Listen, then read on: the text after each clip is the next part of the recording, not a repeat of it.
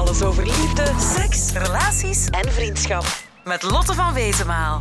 Aflevering 1. Ik heb een lief, we zijn nog niet zo lang samen.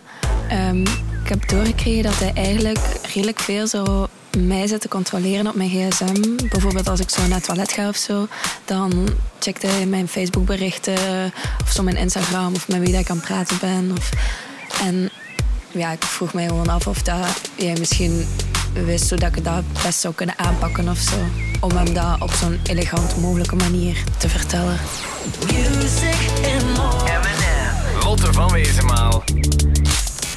Ik krijg veel jongere, maar ook oudere mensen over de vloer die het moeilijk hebben om assertief te reageren. Ze komen niet op voor zichzelf, zetten anderen altijd op de eerste plaats of reageren niet op onverdiende kritiek. En assertief leren zijn, dat is meer dan leren nee zeggen. Het is leren je grenzen herkennen en aangeven. Door grenzen te stellen maak je duidelijk aan anderen wat je oké vindt en schep je een beschermde persoonlijke ruimte voor jezelf. Als je geen duidelijke grenzen hebt of stelt, kan dat stress opleveren. En niet alleen mentaal kan je je slecht voelen, het kan ook fysiek gevolgen hebben. Het is dus belangrijk om te weten wat je grenzen zijn, om te herkennen wanneer er over je grens wordt gegaan en om je grenzen te bewaken. Ik leg je stap voor stap uit hoe je dit best doet.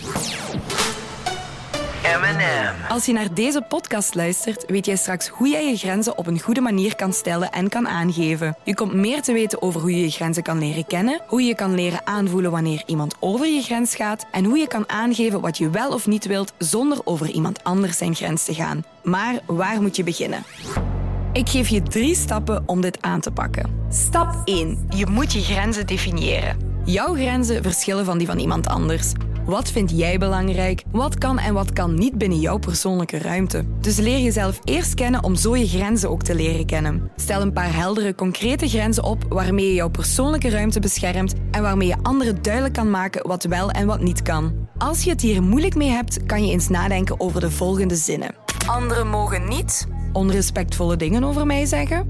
Ik heb het recht om te vragen dat iemand van mij afblijft.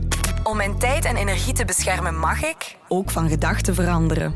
Heb je je grenzen gedefinieerd? Dan is het ook belangrijk om ze te beschermen. Daar vertel ik je straks nog wat meer over hoe je dat best doet. Eerst is het goed om te herkennen wanneer iemand over jouw grenzen gaat. M. Stap 2. Leer ook je grenzen herkennen. Wanneer iemand dicht bij jouw grens komt of over jouw grens heen gaat, geeft dat vaak een vervelend gevoel. Je voelt een kramp in je maag, je schrikt, je voelt spanning in je borst, je voelt frustratie, je wordt boos, je begint je te verdedigen.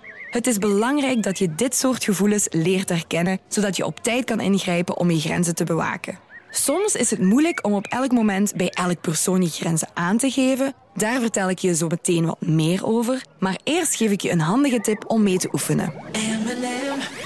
Stap 3. Je moet je grenzen bewaken. Als je weet dat je grenzen overschreden worden, heb jij zelf de keuze. Je grenzen laten overschrijden of je grenzen beschermen. Door je grenzen te communiceren naar anderen, geef je aan hoe je wilt dat zij met je omgaan. Iemand anders kan vaak niet inschatten waar jouw grens ligt, dus het is belangrijk om dit op een positieve manier te verwoorden zonder over iemand anders zijn grens te gaan. Op die manier kan de andere persoon niet in de tegenaanval gaan. En hoe je dat best kan doen, is aan de hand van de ik-boodschap.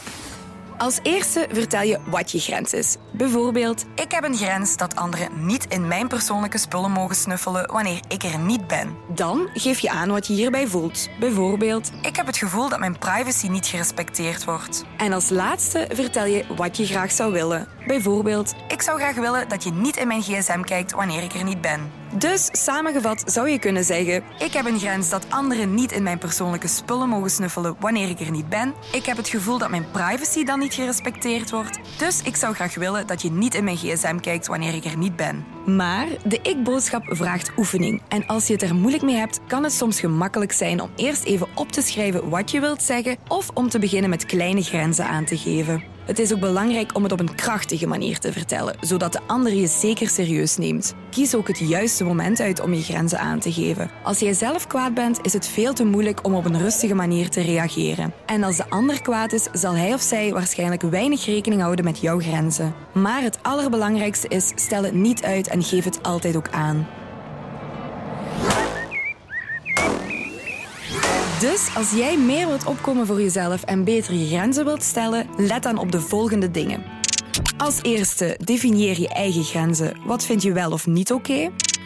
Als tweede, leer je grenzen ook erkennen. Wat voel je in je lichaam als iemand over je grens gaat? En als derde, bescherm je grenzen aan de hand van de ik-boodschap. Oké, super. Ik ga dat proberen. Dag. Wil je meer weten over liefde, relaties, seks en vriendschap? Surf dan naar mnm.be en abonneer je op onze podcast. Stel je grenzen en kom op voor jezelf. Dag!